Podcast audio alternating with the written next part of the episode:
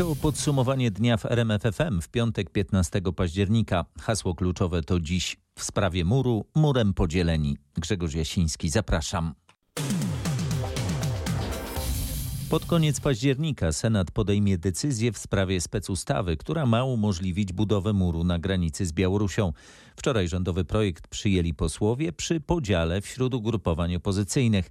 Czy echa tego rozłamu będzie widać także w Senacie? Języczkiem uwagi są teraz ludowcy, którzy właśnie w Sejmie w sprawie specustawy głosowali razem z partią rządzącą. Wśród senatorów PSL-u decyzji jeszcze nie ma, ale gdyby oni także zdecydowali się poprzeć rządowy pomysł, to PiS uzyskałoby w drugiej izbie większość. Rządowi na tym zależy, bo brak poprawek oznacza, że ustawa trafi bezpośrednio na biurko prezydenta, a przygotowania do stawiania zapory będą mogły się rozpocząć kilka dni wcześniej.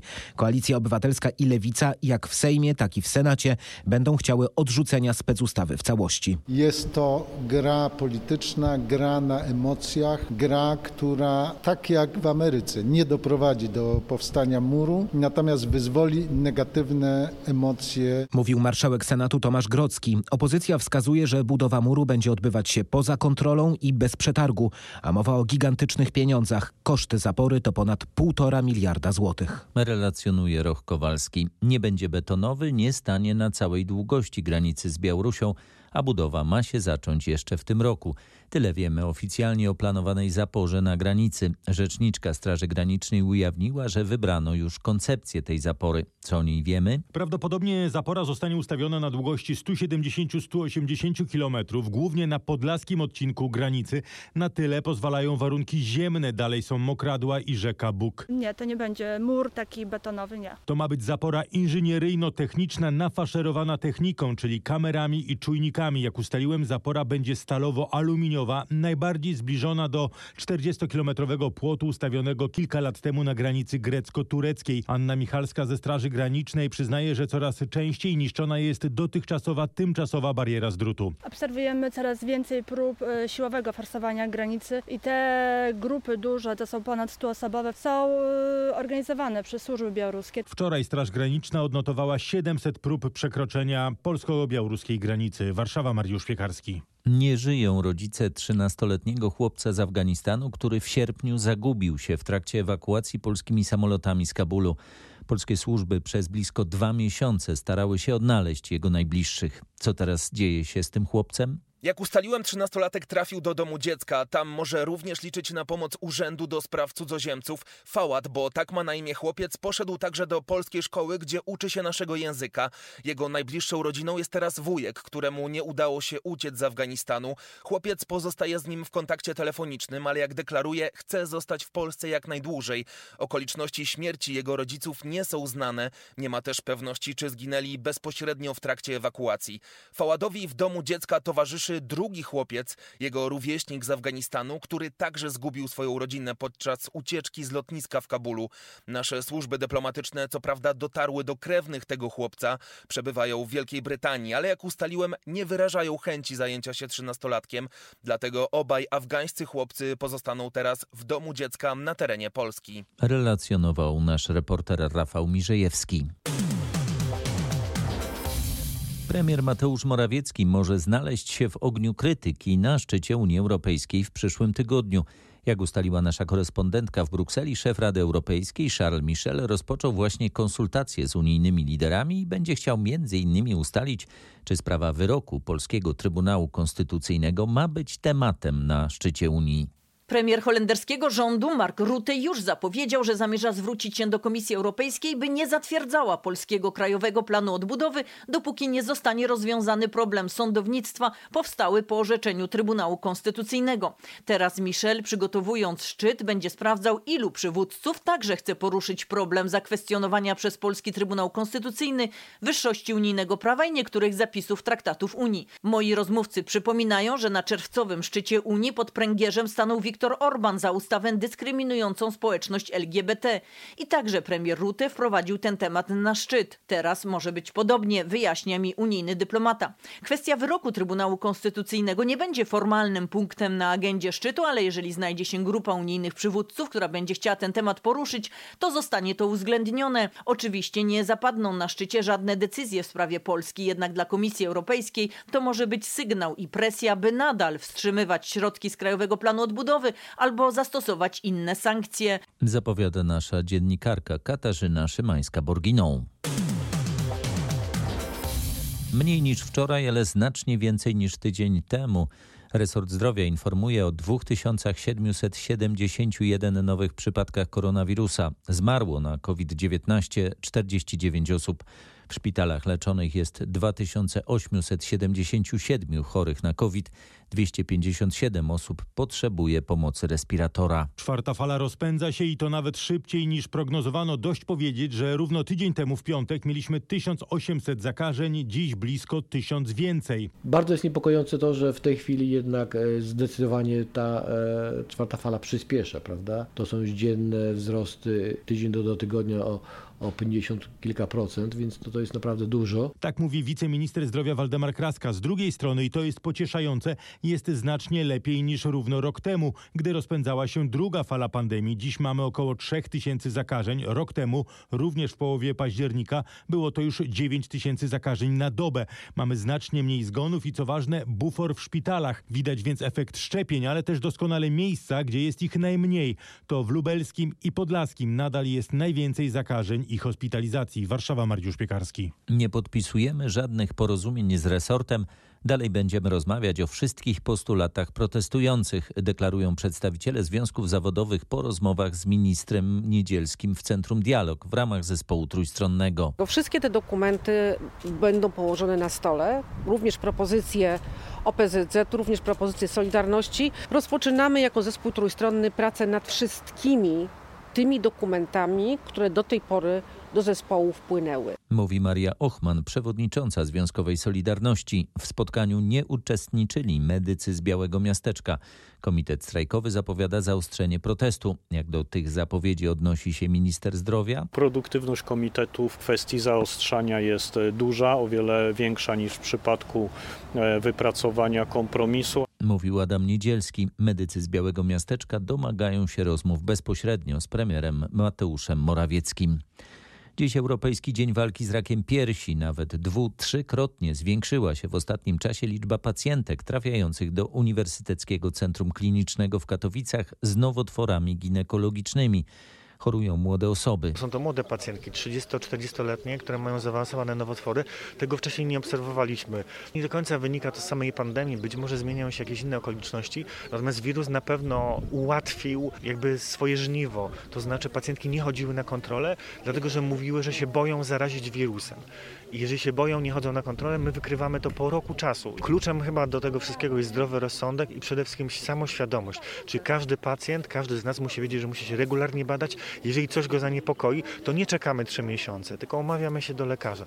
Mówi profesor Krzysztof Nowosielski, kierujący oddziałem ginekologii, położnictwa i ginekologii onkologicznej w Uniwersyteckim Centrum Klinicznym w Katowicach. Lekarze, pielęgniarki, położne i pacjenci trzymający się za ręce znaleźli się na muralu, który z okazji Dnia Walki z Rakiem Piersi odsłonięto na ścianie Uniwersyteckiego Centrum w Katowicach-Ligocie. Nie jesteś sam w chorobie. To przesłanie muralu. Ma dawać wsparcie osobom, które tutaj odwiedzają ten szpital. Ma im dać poczucie takiego bezpieczeństwa, poczucie, że mogą liczyć na lekarzy, na personel medyczny, że są też takie organizacje jak, e, jak nasza, która wspiera, pomaga przejść e, leczenie onkologiczne. Mówi Justyna Dec, prezes Fundacji Oko w Oko z Rakiem. 100 białych balonów wypuszczono w niebo przed tym samym Uniwersyteckim Centrum Klinicznym. Dziś także Dzień Dziecka Utraconego. Czyli zmarłego w czasie ciąży lub okresie okołoporodowym. Te balony wypuszczamy w niebo podpisane imionami dzieci utraconych jako symbol i jako właśnie znak, że pamiętamy o tych dzieciach, ale także o tych rodzicach, którzy te dzieci stracili. Jaka pomoc jest potrzebna rodzicom po takiej stracie? Ogólnie się mówi, e, że przede wszystkim wsparcie, ale co to znaczy to wsparcie? To znaczy bycie, towarzyszenie, milczenie. Opieka psychologa jest na miejscu zawsze zapewniona w takiej sytuacji? Powinna być przynajmniej. W naszym szpitalu mamy dwóch psychologów i jak najbardziej są dostępni dla kobiet, aczkolwiek też w takich momentach nagłych e, w nocy, to tak naprawdę ta położna jest w tym pierwszym momencie z tą kobietą i ona też musi tą wiedzę psychologiczną posiadać. Z położną Anną Stachulską, oddziałową bloku porodowego w katowickiej klinice rozmawiała Anna Kropaczek.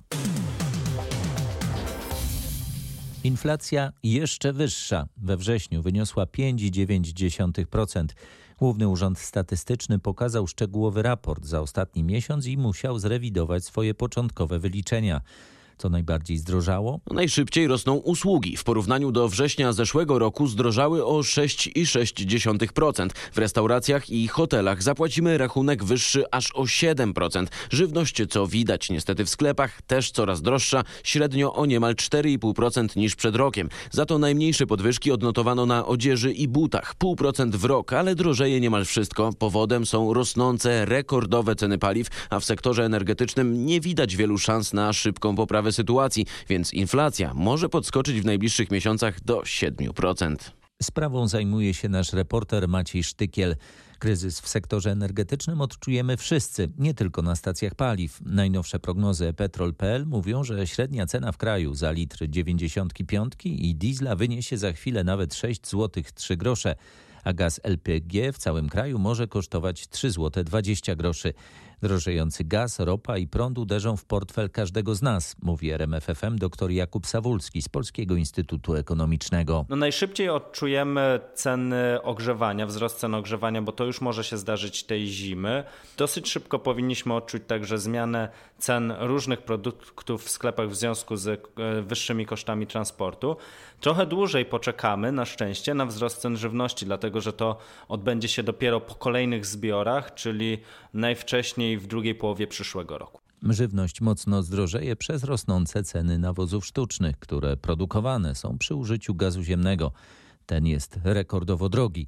Droższe będą m.in. wyjazdy i wycieczki. Także turystyka oberwie przez krach w sektorze energetycznym. Wracamy do Macieja Sztykiela, jak bardzo podrożeją nasze wyjazdy. Te krajowe, indywidualne będą droższe choćby przez ceny na stacjach paliw. Do świąt litr benzyny czy diesla może kosztować nawet 7 zł. Przez prąd i ogólną inflację podrożeją też noclegi. Podwyżki nie ominą wyjazdów zagranicznych, mówi prezes Polskiej Izby Turystyki Paweł Niewiadomski. Wzrost cen ropy będzie miał wpływ na turystykę wyjazdową. Oczywiście o ile ta tendencja y, do wzrostu cen będzie się utrzymywać. A na to niestety się zapowiada. Droższe będą też bilety lotnicze przez rosnące opłaty lotniskowe, ceny ropy oraz prądu, mówi Adrian Furgalski z zespołu doradców gospodarczych TOR. Terminale są oświetlane, olbrzymie pieniądze idą na potężne oświetlenie. Tutaj na pewno też jakiś procent będzie, pewnie kilka procent, no ale to wszystko niestety skumuluje się w znaczące podwyżki cen biletów, wycieczek. A im dłużej ceny paliw i energii będą rosły, tym droższe będą przyszłoroczne wakacje. Zdecydowanie najmniej zdrożeją podróże palcem po mapie. Jeśli już mamy mapę, wtedy w grę wchodzi tylko podwyżka kosztów oświetlenia. W związku z wysokimi cenami gazu musimy się pogodzić z drożyzną i wysoką inflacją. Na tę zależność zwraca też uwagę w popołudniowej rozmowie w RMFFM Piotr Woźniak, były minister gospodarki i były prezes Polskiego Górnictwa Naftowego i Gazownictwa. Nikt nie przetnie związku między cenami nośników energii a yy, przede wszystkim inflacją, ale w ogóle i z cenami żywności, bo zwłaszcza jeśli chodzi o gaz, dlatego że gaz jest głównym, jest głównym surowcem do produkcji nawozów, których, Czy... bez których się rolnictwo nie obejdzie. Cała rozmowa Marka Teichmana z Piotrem Woźniakiem jest do posłuchania i obejrzenia na rmf24.pl.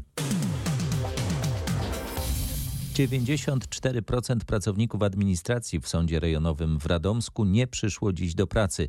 Z czterech zaplanowanych sesji trzy się nie odbyły. Sąd rejonowy w Garwolinie zdjął z dzisiejszej wokandy wszystkie rozprawy w sprawach cywilnych. Odbywają się tylko te w sprawach karnych. Od poniedziałku wiele sądów w Polsce boryka się z dużą absencją pracowników.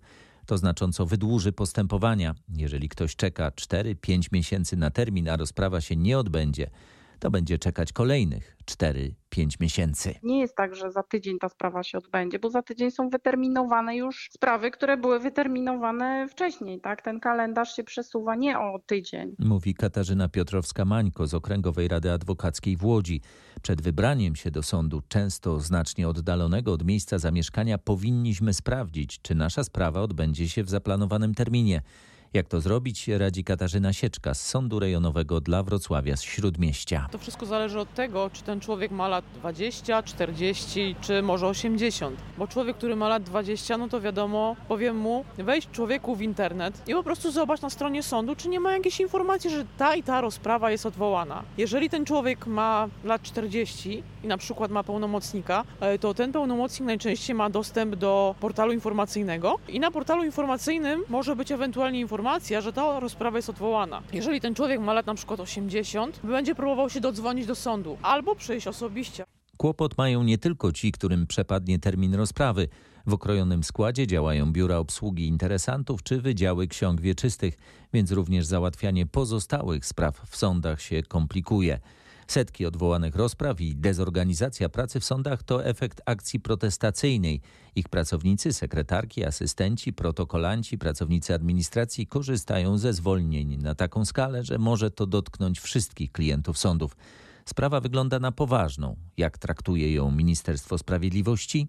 Na razie resort bagatelizuje protest, próbując udawać, że wszystko jest pod kontrolą. W komunikatach zapewnia, że odwołania wokąd dotyczą tylko 2% sądów w kraju, a protest organizuje najmniejszy z branżowych związków. Te dane tylko częściowo są prawdziwe, a przez podległych ministrowi Ziobrze dyrektorów sądów resort próbuje też blokować działania protestujących, ograniczając na przykład dostęp do informacji samym związkowcom. Twierdzi też, że reprezentatywne związki zawodowe doceniają działania Ministerstwa Sprawiedliwości, a korzystających ze zwolnień próbuje nastraszyć prosząc ZUS o kontrolę, czy na pewno wszyscy są chorzy.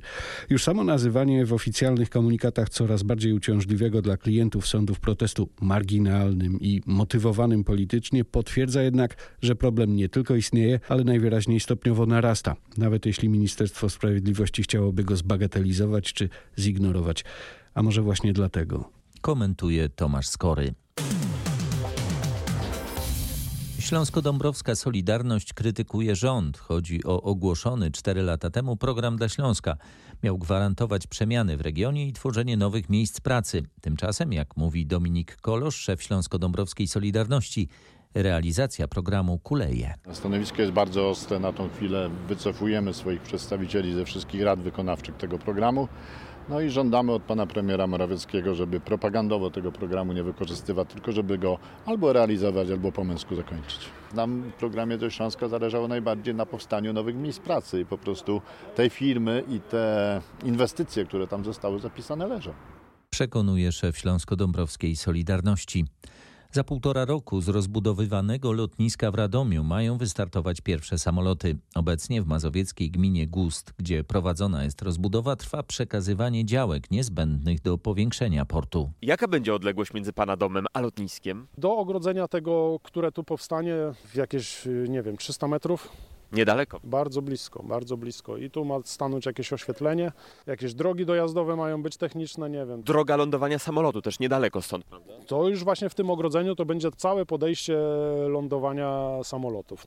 Widzę hałas, widzę szum, widzę kurz. Cieszy się pani z tej rozbudowy lotniska? Nie sądzę, tym bardziej, że będzie taki hałas. Tym bardziej wygląda, że w tej chwili to przestali ludzie się tu interesować tą miejscowością.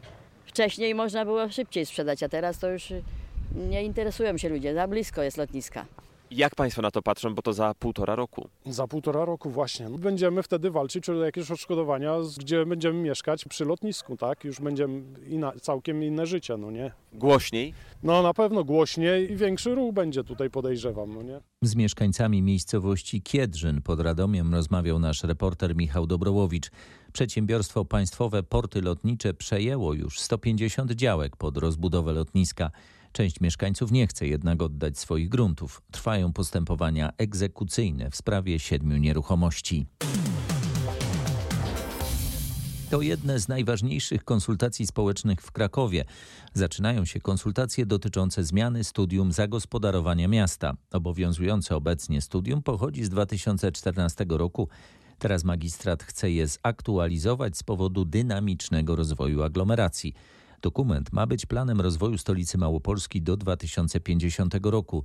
W pracach nad projektem mogą wziąć udział wszyscy mieszkańcy miasta. To jest dokument, który będzie pokazywał, jak miasto będzie wyglądało w roku 2050, czyli nasza wizja miasta za te 30 lat. Konsultacje ważne, dlatego że przecież chcemy wszyscy żyć w takim mieście, które będzie funkcjonalne, które będzie miastem przyjaznym, którym no, da się po prostu y, żyć, a z drugiej strony miasto y, piękne w swoim takim charakterze, czyli trochę takie połączenie tradycji i nowoczesności. Mówi Dariusz Nowak z krakowskiego magistratu. Wszystkie szczegóły na ten temat można znaleźć na miejskiej platformie internetowej. Za nami tegoroczna edycja wrocławskiego budżetu obywatelskiego. W głosowaniu wzięło udział prawie 90 tysięcy mieszkańców. Wśród zwycięskich projektów znalazł się, uwaga, Central Park. Oczywiście nazwa jest nieco prowokacyjna, ponieważ on nie będzie tak duży jak Central Park w Nowym Jorku, ani pewnie tak znaczący dla mieszkańców, natomiast jest faktycznie centralnie położony. Dawne tereny powojskowe na Kępie Mieszczańskiej, dzięki właśnie aktywności mieszkańców, tutaj wielki ukłon do y, liderów lokalnych, y, spowodowali, że udało się miastu dogadać z wojskiem, miasto przejęło działki, a teraz za pieniądze budżetu obywatelskiego buduje centralny park we Wrocławiu, czyli mówiąc kolokwialnie Central Park. Mówił Sebastian Wolszczak z Urzędu Miejskiego Wrocławia. W tym roku mieszkańcy zdecydowali, na co zostanie wydane 25 milionów złotych. Kolejny wrocławski budżet obywatelski będzie o 5 milionów większy. Mieszkańcy Warszawy, szykujcie się na weekend pełen utrudnień. Będą problemy na Brudnie, Mokotowie, w Śródmieściu i w tunelach metra. Te problemy zaczną się już dziś wieczorem. O 22 wtedy drogowcy zaczną pracę na Górczewskiej przy skrzyżowaniu z Powstańców Śląskich oraz na Wołoskiej od Woronicza do Galerii Mokotów na jezdni w stronę Śródmieścia. W obu przypadkach trzeba liczyć się z objazdami, inaczej pojadą też autobusy. W Śródmieściu kłopoty na torach, w sobotę i niedzielę będą remonty na Placu Zbawiciela, a to oznacza, że tramwaje nie pojadą Marszałkowską i Puławską między Placem a Woronicza.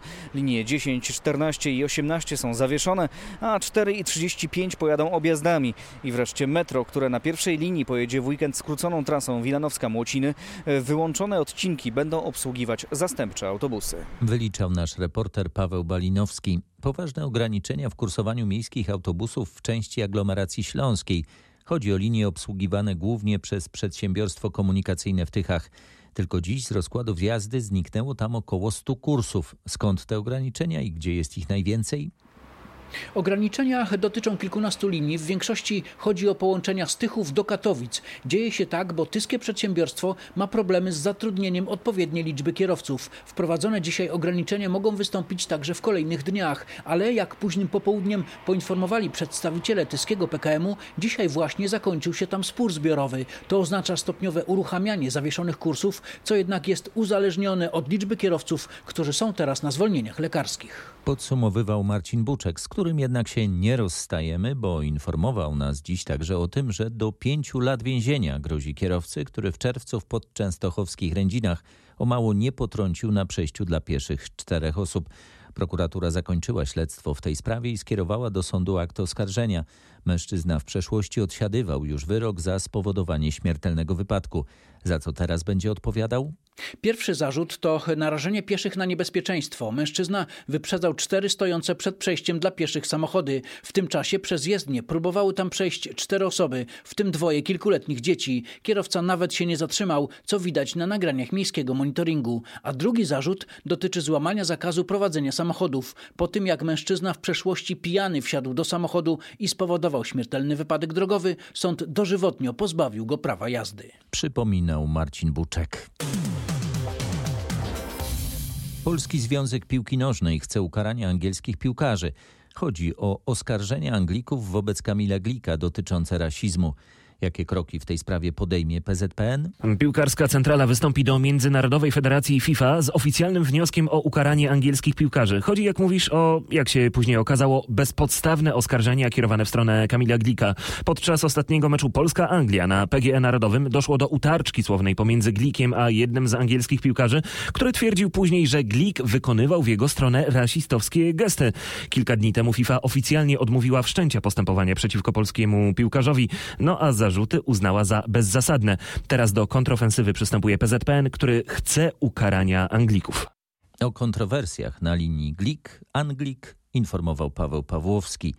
Piłkarska Ekstraklasa wraca po przerwie na mecze reprezentacji. Już w niedzielę ligowy hit Legia Warszawa zagra z Lechem Poznań. Legia Warszawa to klub o dwóch obliczach, mówi dziś trener Lecha Maciej Skorża. Oblicze Legii grającej w europejskich pucharach i, i zdobywającej ważne punkty dla polskiej klubowej piłki. Druga twarz Legii to jest ta Legia grająca w lidze, która w tych ośmiu meczach tylko trzy razy potrafiła wygrać.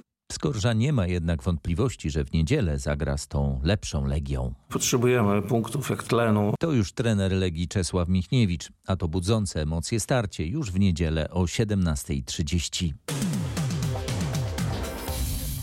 Na ostatniej prostej jest już sezon zbioru owoców w polskich sadach. Dzisiaj, jak zawsze, w trzeci piątek października przypadał Światowy Dzień Owoców i Warzyw.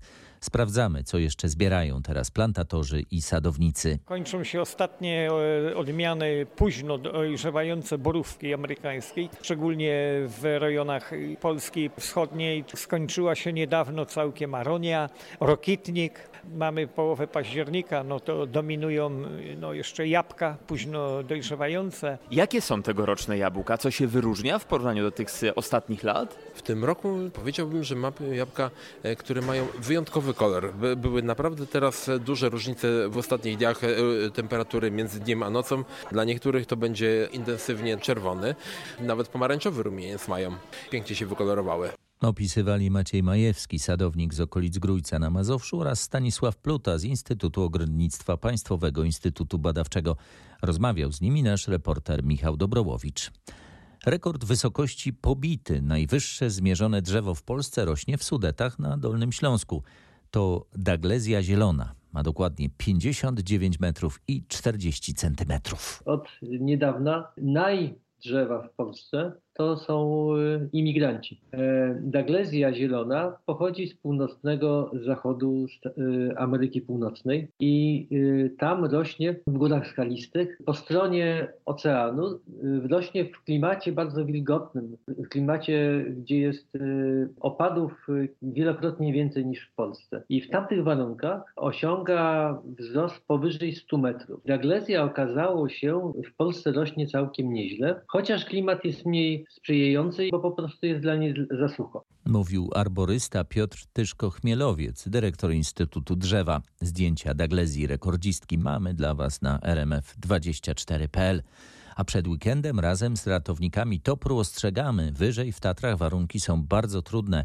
Po ostatnich opadach w górach wciąż leży śnieg. Są to warunki najgorsze w skali roku. To przejście pomiędzy latem a zimą. Pod spodem lód, na tym kilka centymetrów śniegu. Szlaki będące pod tym śniegiem tak naprawdę nie nadają się do eksplorowania. Można zarekomendować szlaki wiodące u podnóży Tatr, płaskimi częściami dolin, ale trzeba zdecydowanie unikać wszystkich stromych ścieżek i zboczy. Przestrzega ratownik dyżurny TOPR Piotr Konopka. Tyle na dziś. Kolejne podsumowanie dnia w RMFFM już w poniedziałek wieczorem. Grzegorz Jasiński, dziękuję, dobrej nocy i miłego weekendu.